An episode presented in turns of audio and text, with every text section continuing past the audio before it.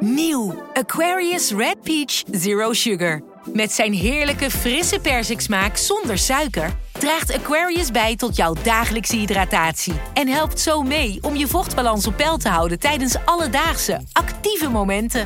Thuis, op het werk of onderweg. Ook verkrijgbaar in smaken lemon en orange. Probeer hem nu. Vanaf de redactie van NRC het verhaal van vandaag. Mijn naam is Gabriella Ader.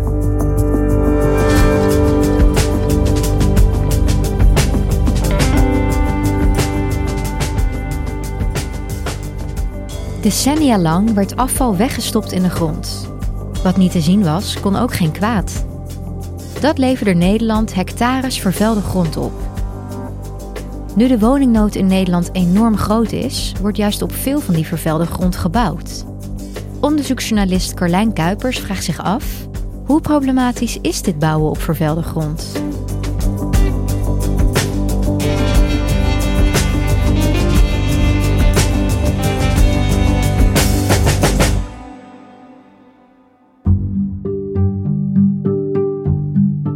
Paar maanden terug was ik in Mil, een klein dorpje in het oosten van Noord-Brabant, samen met Stefan Vlamings. Hij had daar uh, een tijd terug gewoond.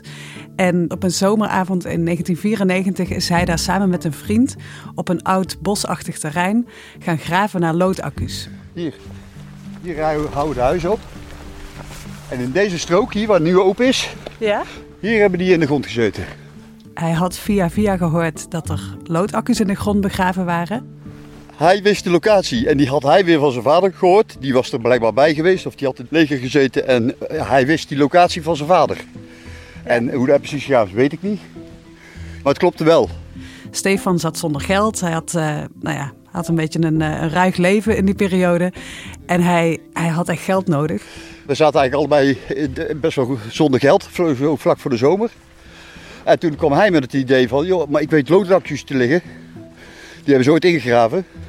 Als we die uitgaven en het lood eruit halen, dan kunnen we het inleveren. Dan hebben we in ieder geval een paar cent in, in ons zak. En dat hebben we toen gedaan. Dus een week lang is hij elke avond s'nachts met die vriend naar dat terrein gegaan en hebben ze staan graven. Nou, best een, best een bijzondere actie, want het is niet zo heel verstandig om dat te gaan doen. En wat, wat opviel was dat uh, we begonnen te graven, de, de grond heel zwart was. En binnen de kortste keren ik mijn benen allemaal brandwonden kreeg. Ook toen we de accu's nog niet gevonden hadden. En uh, brandplekjes. En uh, daar bleek het zuur uit de accu's te zijn. Ik kreeg ook zuur, zuurpitten op mijn benen. Je kunt op mijn benen kunt nog een beetje zien waar dat, ja, waar dat gezeten heeft. De grootste en zit er nog steeds. In die accu's zat zuur. En dat kan giftig zijn voor je huid. En zij merkte echt al na een avondgraven dat hun huid ging prikken en dat ze er last van kregen. Dus na een week zijn ze gestopt omdat die brandwonden te erg waren. En hebben ze überhaupt accu's gevonden? Ja, Stefan vertelt dat ze iets van 100 accu's uit de grond hebben gehaald. Zo? Uh, dat ze die naar een oud ijzerhandelaar hebben gebracht en daar een paar honderd gulden voor kregen toen. En dat ze nog een paar honderd accu's in de grond hebben laten zitten. Want wat hij vertelt is dat er een heel blok in het terrein was waar die accu's gewoon netjes opgestapeld in de grond begraven lagen. Ja, en hoe kwam je eigenlijk op dit verhaal? Hoe kwam Steven op jouw pad? Ik ben afgelopen september begonnen bij NRC en ik werk op de onderzoeksredactie waar ik onderzoek doe naar milieuvervuiling en effecten op gezondheid. En ik heb toen, toen ik net begon, gewoon een oproepje op LinkedIn geplaatst van wie weet goede verhalen, kom naar me toe. En Stefan reageerde meteen. En de reden voor hem om nu te reageren was dat er op dit moment woningen worden gebouwd op dat terrein. Maar het verbaast me hooglijk. En ik vraag me ook echt af van waar ze gaan bouwen, wat ze gaan bouwen. Dus hij was eigenlijk verbaasd van, hé, hey, ik denk te weten dat er vroeger dat er accu's in de grond zitten. En hoe kan het dan dat er nu een woonwijk op die plek komt die dus vervuild is? Hoe is die grond waar Stefan is gaan graven toen de tijd zo vervuild geraakt? Nou, het is een oud defensieterrein. Defensie had daar in de jaren tachtig een mobilisatiecomplex. En het idee was dat daar dienstplichtigen opgeroepen konden worden als er een aanval van de Sovjet-Unie zou, zou zijn. Want het was echt Koude Oorlogtijd. En in die periode was het ook heel gebruikelijk om afval in de grond te begraven. Hier hebben tanks opgeslagen gestaan en materieel. En uh, uh, er zat een onderhoudsafdeling, heeft hier gezeten. En uh, Hierachter, uh, verderop in de bossen, ligt ook een grote tankbaan. Dus waar ze met tanks konden oefenen. Net als een mil zijn er eigenlijk door het hele land veel terreinen van Defensie die vervuild zijn geraakt. Doordat er afval in de grond begraven werd. En dan moet je denken aan dus accu's, maar ook oude verf, asbestplaten, oude olie. Uh, en veel zit er nog steeds in de grond. Weet je ook hoe diep dat is? Hoe diep onder de grond? Nou, die accu's die lagen op iets van een halve meter tot een meter diepte. En voor die andere dingen weet ik het niet zo goed. Sommige dingen zitten aan de oppervlakte, andere dingen zitten wat dieper. Ja, en nu kreeg Stefan brandwonden. Weet jij of die grond nog gevaarlijk is? Nou, omdat er woningen gebouwd worden, is er een bodemonderzoek geweest. Ja. En in dat onderzoek is vastgesteld dat de bodem niet gevaarlijk is. Er waren wel wat asbestplaten die zijn verwijderd, maar verder is er niet echt een groot risico. Het accuzuur, waar hij dus die brandwonden van kreeg. Ik sprak daarover met een expert en die zei van ja, dat zuur, met het verloop van de jaren loopt dat uit. Dus dat, dat zit waarschijnlijk niet meer op die plek. Dat is ergens in het bodemwater terechtgekomen of zo als de accu's er nog steeds liggen, dan kan lood nog wel een probleem zijn. Want die accu's die zijn gemaakt van lood. En van lood weten we dat dat heel schadelijk kan zijn voor de hersenontwikkeling bij kinderen. Dus als iets van dat lood aan het oppervlakte komt. En kinderen stoppen dat in de mond, die spelen daar, die, uh, die kruipen over de grond. Dan kan dat gevaarlijk zijn. Toch klinkt het best ernstig als je het hebt over de gevolgen van lood bij kinderen. Is het bekend om hoeveel defensieterreinen het gaat? Nou, Defensie heeft op dit moment iets van 35.000 hectare. Uh, dat is ongeveer een vijfde of een zesde van de provincie Utrecht. Um, maar eind jaren 80 had Defensie nog veel meer terreinen. Die zijn door de jaren heen van de hand gedaan, verkocht.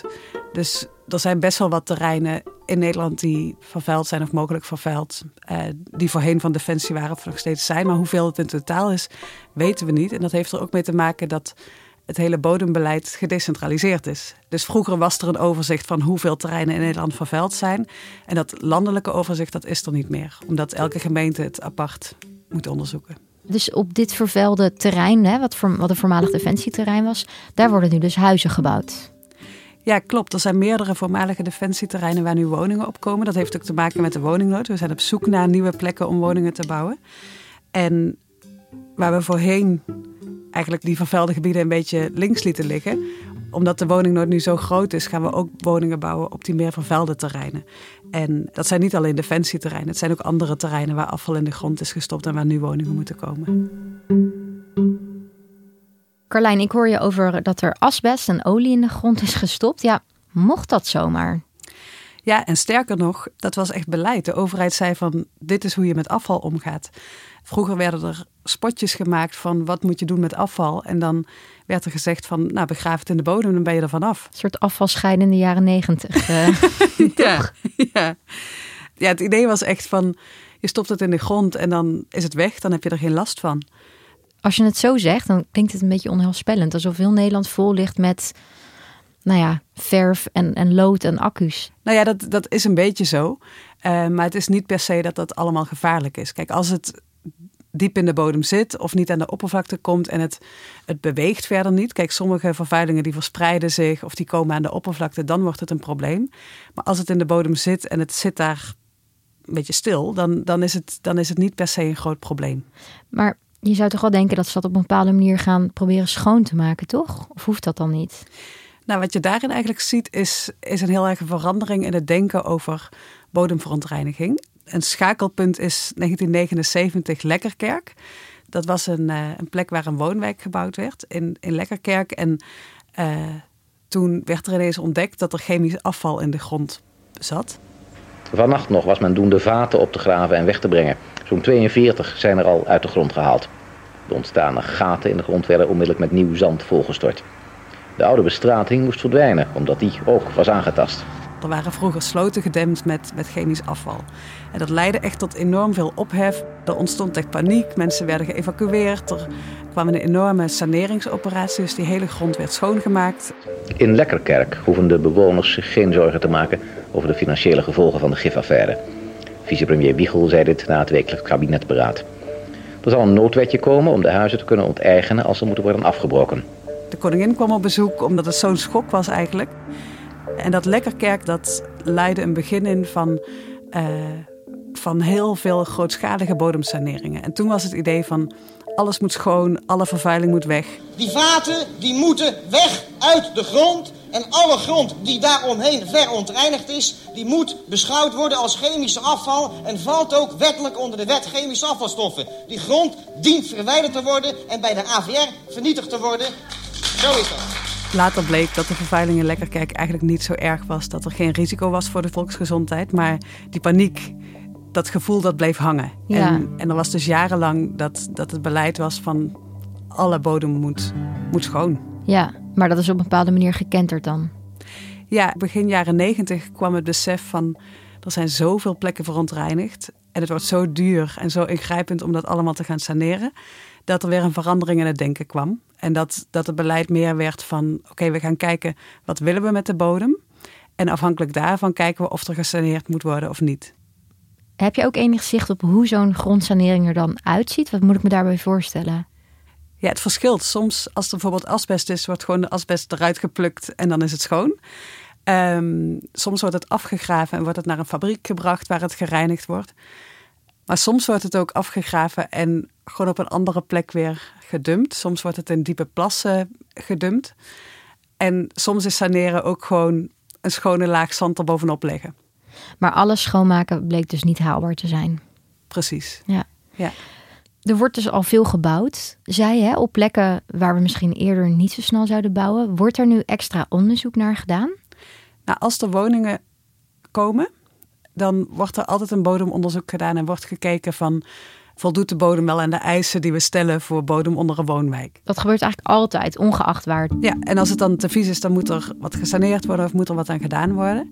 Het punt is dat, kijk, afval dat in de bodem zit, zit vaak vast op één plek. Dat is niet verspreid over het hele terrein. En het kan dan dat je met zo'n bodemonderzoek, dat eigenlijk een soort steekproef is. Je gaat niet het hele terrein afgraven, maar je doet gewoon wat boringen op een aantal punten. Dan kan het dat je, dat je zo'n specifieke verontreiniging, zoals met die loodaccu's, dat je die mist. Ja, want wat, wat is er eigenlijk met dat terrein nu gebeurd? Nou, er worden nu woningen gebouwd. Oh, toch wel, ja. Ja, er is een eh, bodemonderzoek gedaan en daaruit eh, bleek dat er eigenlijk niet grote verontreiniging is waar we ons zorgen over moeten maken, afgezien van wat asbest en die, die is opgeruimd. Eh, maar ik sprak met de projectontwikkelaar en ik vroeg hem van, hebben jullie ook echt gekeken naar, naar loodaccu's? Ja. Ehm, en dat hebben ze niet. Maar ja, dit laat precies weer zien wat het ingewikkelde is met ja, vervuiling die 30 jaar geleden in de grond is gestopt. Van niet al die kennis over waar die, waar die accu's zitten is bewaard gebleven. Dus deze man heeft dus ook niet gekeken van liggen die accu's waar die Stefan over vertelt, liggen die er nog steeds? Met bodemonderzoeken, je kan het risico niet helemaal uitsluiten. Nee. Het kan dat er gewoon ergens nog een stofje in de grond zit wat je liever niet wil hebben. En dat kan een probleem zijn, maar dat hoeft niet. Als die accu's gewoon diep in de grond zitten en dat lood komt niet aan de oppervlakte, dan, dan hoeft het ook geen probleem te zijn. Carlijn, als ik je goed begrijp, is op zich dus niet meer zozeer de vraag: woon ik straks op schone grond of niet? Maar meer, eh, ja, hoe schadelijk is die grond en ben ik daar oké mee? Ja, dat is het eigenlijk wel. Ehm, er moeten veel nieuwe woningen gebouwd worden. En wat iemand laatst tegen me zei, is van de makkelijke plekken zijn op. Uh, dus de afgelopen jaren hebben we gebouwd op plekken waar je niet zoveel gedoe had met bodemverontreiniging of geluidsoverlast. En die plekken zijn heel erg schaars geworden. Dus de plekken die er nu nog zijn, dat zijn ingewikkelde plekken waar de bodem verontreinigd is, of waar geluidsoverlast te groot is, of de luchtkwaliteit niet goed. En ja, het is dus een beetje passen en meten. En dan is het zo dat we, dat we iets meer moeten accepteren dat, dat die bodem niet helemaal schoon is, of dat de geluidsoverlast ja, wat meer is dan, dan we eigenlijk zouden willen. Maar natuurlijk wel tot op zekere hoogte. Toch? Ik bedoel, je wil Ja, niet wonen er op, op, op grond waar je kind misschien ziek kan worden. Nee, dus er wordt wel gekeken van, is het gevaarlijk? De echt gevaarlijke dingen worden weggehaald, dus daar hoef je je geen zorgen om te maken. Maar het idee van, we leven op een helemaal schone bodem, daar moeten we een beetje vanaf. En er zijn ook woningen waar wordt gezegd van, zorg dat je geen moestuin maakt hier, want daar is de bodem niet geschikt voor. Of dat er bij andere terreinen wordt gezegd van oké, een kinderspeeltuin kan wel, maar dan moeten we er echt een, een eh, nepgraslaag overheen leggen, zodat die kinderen niet in contact komen met, met die grond. Dus dat is, dat is wat er eigenlijk nu speelt. Ja, dat is op zich nog wel te overzien dus. Ja, het is gewoon eh, omgaan met het feit dat die bodem niet helemaal schoon is. En dan kijken van wat kan er dan wel en welke maatregelen moet je nemen om te zorgen dat het, dat het risico niet te groot wordt. En je ziet daar ook een verschuiving. Dus in de jaren 60 dachten we van dat begraven van het afval in de bodem is prima. Daar hebben we nu last van. Met PFAS werd lang ook gedacht dat het niet zo'n punt was. Daar ja, komen de problemen nu op. En misschien zijn er nu ook wel stoffen die we gebruiken waarvan we uh, nu blijkt dat het, dat het schadelijk is. En moeten we, moeten we daar oplossingen voor bedenken. En het kan heel goed dat we, dat we nu stoffen gebruiken waarvan we nog helemaal niet weten of doorhebben dat die schadelijk zijn. En waar we over twintig jaar last van hebben. Dus dat de bodem niet op alle plekken helemaal schoon is, is, is niet per se een heel groot probleem. Maar het punt is dat we een soort moeten wennen aan het idee dat, dat die bodem niet overal schoon is. En dat je. Uh, ja, dat je dat ook niet verwacht. Dat, dat, dat het niet heel gevaarlijk is, maar dat, het, dat je wel moet nadenken van wat doe ik op welk stukje bodem. Dankjewel Carlijn. Graag gedaan. Je luisterde naar vandaag, een podcast van NRC. Eén verhaal, elke dag. Deze aflevering werd gemaakt door Iris Verhulsdonk, Stef Visjager en Bas van Win. Dit was vandaag, morgen weer.